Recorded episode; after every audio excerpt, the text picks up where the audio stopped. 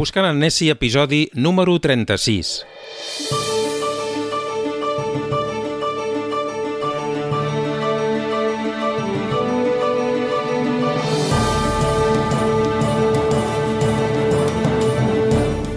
Això és Buscant en Nessi, el podcast on parlem d'Escòcia, dels seus paisatges, els seus costums i tradicions i de la seva gent. És un podcast que fem a distància, el fem entre dos, a Escòcia, a Inverness, i en Santi Geriot, i a Barcelona qui et parla, per Andreu Geriot. Santi, bon dia, bona hora. Hola, bon dia. Amb aquest episodi podríem dir que tanquem una trilogia històrica. Hem parlat d'història sobretot aquestes últimes setmanes, oi que sí? Sí, i precisament lligant-ho amb l'episodi anterior, que eren els clans, volia avui parlar de, de, de la batalla de Culloden. Culloden, que és un, un nom que ha anat sortint perquè Culloden és un lloc on, eh, Santi, vas a passejar sovint amb la Lola, amb la gossa, oi que sí? Sí senyor, el, el bosc de Culloden. De fet, Culloden és, és un, un lloc geogràfic, és com si diguéssim dins del, del comtat d'Inverness, doncs està la ciutat d'Inverness, després està a Culloden. És com si diguéssim el barcelonès, Hospitalet i Barcelona. Però hi ha un poble de Culloden. Sí, sí, és una vila, una vila d'això, de, de 3 milles, uns, uns 5 quilòmetres eh, quadrats al, a l'est d'Inverness. I en el bosc de Culloden hi va haver-hi una gran batalla, la batalla de Culloden, que d'alguna manera és el tema d'aquest episodi. Avui parlem de guerra, no, Santi? Sí, però tinc que dir que no és el bosc on es va eh, fer la batalla. La batalla es diu en si Dromosimor.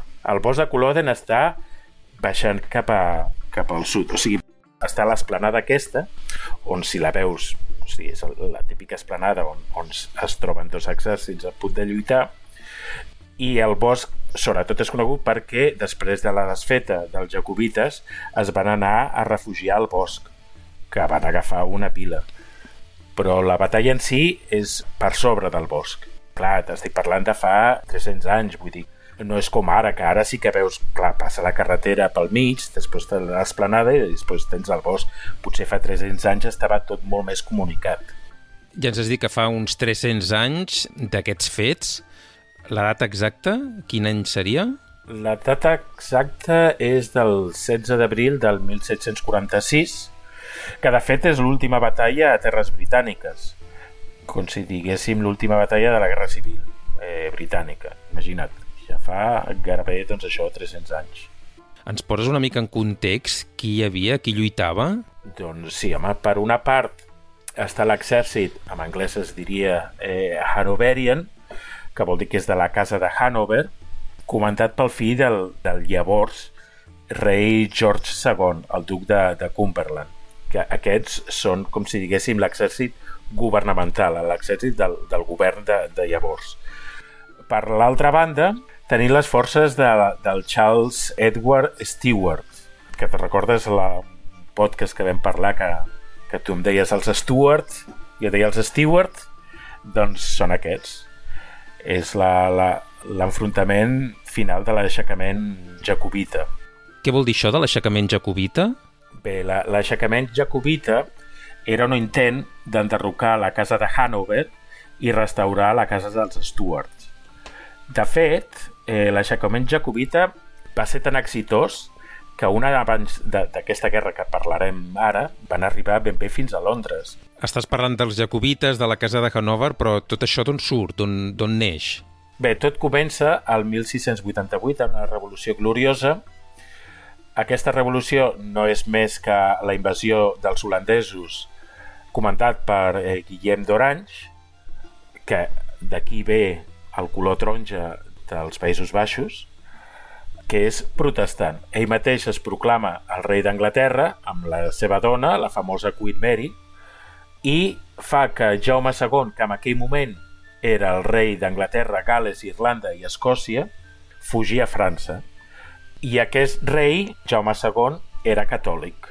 Per què dic que era catòlic? Doncs perquè un any més tard, quan el rei Guillem d'Orange, que s'ha proclamat rei d'Anglaterra, vol fer el mateix amb Escòcia, aquests es rebel·len principalment a les Highlands. Per què? Doncs perquè ells són catòlics. Ells segueixen sent fidels a Jaume II. Ells no volen saber res a veure d'un rei protestant.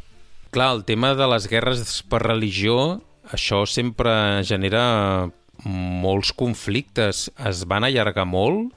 Molt. molt bueno, a partir d'aquí es produeix una, una guerra amb, amb moltíssimes batalles, algunes molt famoses, que no acabaria fins la batalla que parlem ara, la batalla de Culloden.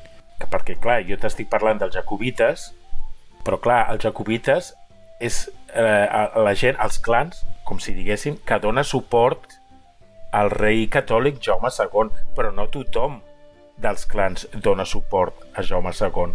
Hi ha alguns clans que donen suport precisament al Guillem d'Orange, que és protestant. O sigui, aquí ja veiem que els mateixos escocesos hi ha uns que donen suport al rei Jaume II i hi ha uns altres que no. I aquí hi ha, hi ha una separació, m'entens? Vull dir, no tots els escocesos estan a favor del llinatge Stewart. Hi ha que, que estan a favor del, de la casa de Hanover.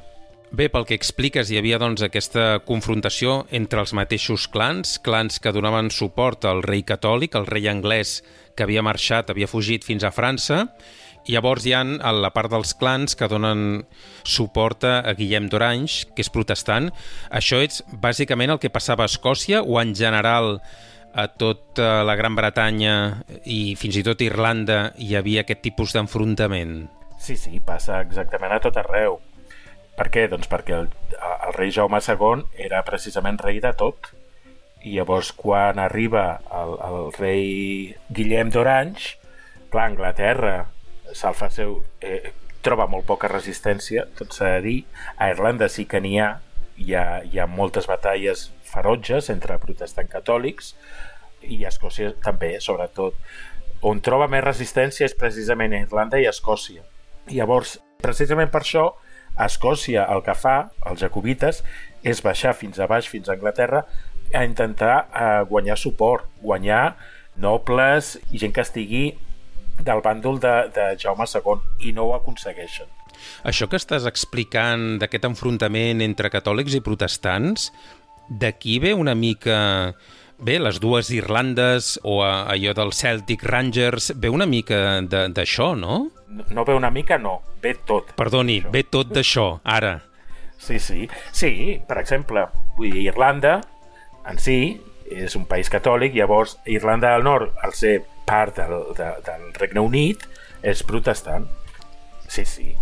I a dins d'Irlanda de, del Nord doncs, està eh, gent catòlica i gent protestant i una altra vegada ja tenim el conflicte. Sí, sí, tot ve d'aquí. I a Glasgow també. I a Glasgow també. I tenim el Celtic, que el Celtic és un equip de futbol que prové sobretot de la gent immigrant irlandesa, amb els Rangers, que és la gent local, que són protestants. Ara fa un, una estona deies que els jacobites, que eren els clans diguem, eh, partidaris del rei Jaume II, del rei catòlic, no troben suport més al sud i eh, entenc que retiren fins a Escòcia i després què passa? Doncs a la retirada a Escòcia ells van fent conquestes. Eh, conquesten doncs, el, el castell d'Edimburg, eh, pugen fins a Perth, recordes que Perth és una miqueta la, la, la porta de les Highlands. I van pujant fins amunt fins a arribar a Inverness. Que la conquereixen allà s'estaran ben bé dos mesos fins a la batalla però no hem d'oblidar que l'exèrcit del govern que en aquell moment estava comentat pel, com hem dit en un principi, el príncep Guillem, que és el fill de, de George II, el, el famós duc de Cumberland, els van empaitant. I aquella batalla va ser molt sagnant, Santi?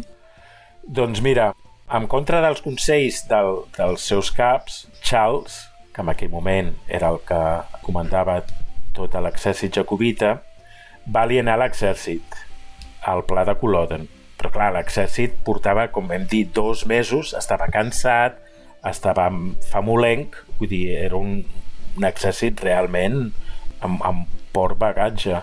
Llavors, clar, quan van arribar les tropes eh, governamentals els van esclafar. I els van esclafar amb una tàctica d'aquelles que es veuen a les pel·lícules. no sé si te'n recordes, aquelles de, el, diuen els Red Coats, els abrics vermells, no? que eren l'exèrcit anglès, anaven amb fusells, anaven amb bateria, contra l'empenta dels escocesos, que clar, ells anaven amb armats amb, amb espases i, i anaven carregant amb l'espasa i el, i, i l'escut. Clar, és, és una batalla molt desfavorable per contra dels jacobites. Llavors, clar, aquesta batalla va durar menys d'una hora. Carai. I al final dels jacobites eh, com a tal.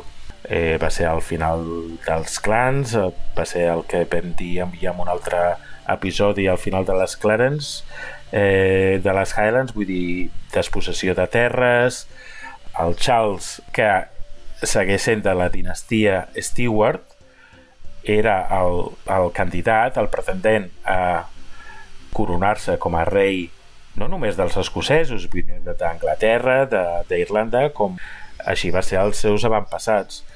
Eh, va poder fugir eh, de Culloden va haver una recompensa fins a, a, a 30.000 lliures pel seu cap, que imagina't els, els diners que érem llavors, però ell va poder eh, escapar-se a França.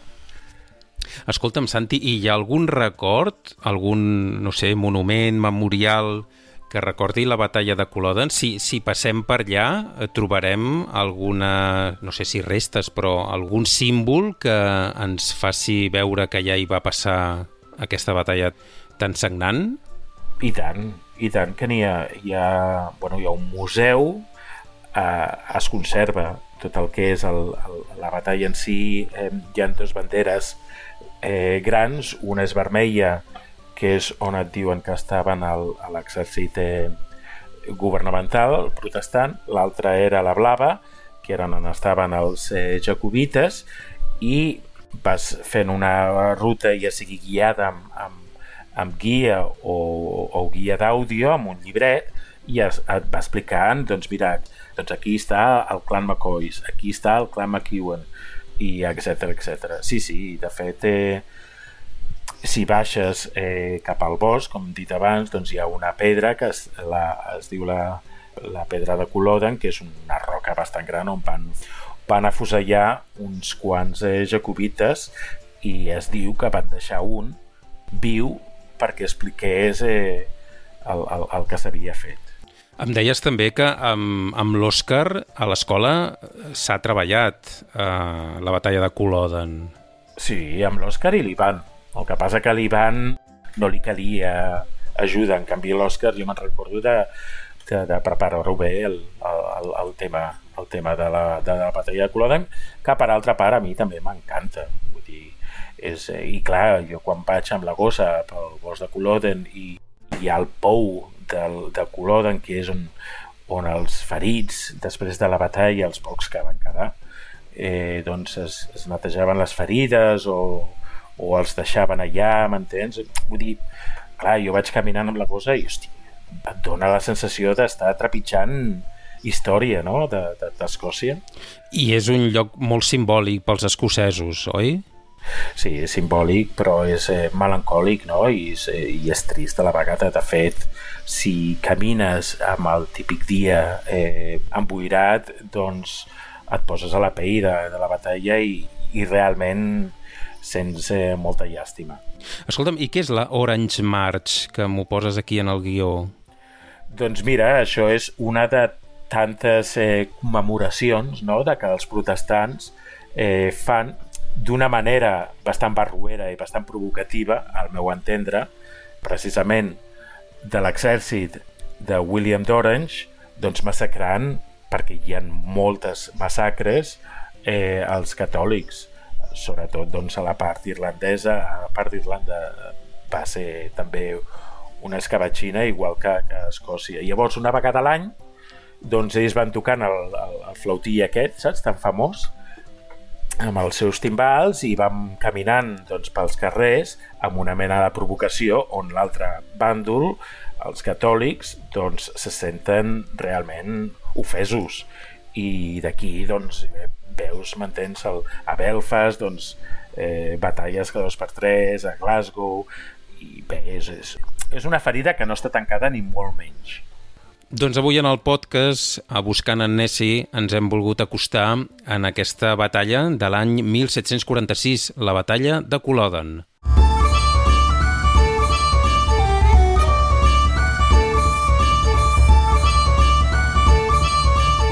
Fins aquí l'episodi número 36 de Buscant en Nessie, el podcast sobre Escòcia, els seus paisatges, la seva cultura i la seva gent. Si t'ha agradat, ens faria molta il·lusió que compartissis aquest o altres episodis amb més gent. I si vols preguntar-nos o comentar-nos qualsevol cosa sobre aquest episodi o en general sobre Escòcia, tens un correu electrònic a la teva disposició. L'adreça és buscantennessi.gmail.com I si vols recuperar algun dels episodis que hem fet fins ara, els trobaràs tots al nostre blog buscantennessi.wordpress.com Santi, moltes gràcies i fins la propera. Adeu!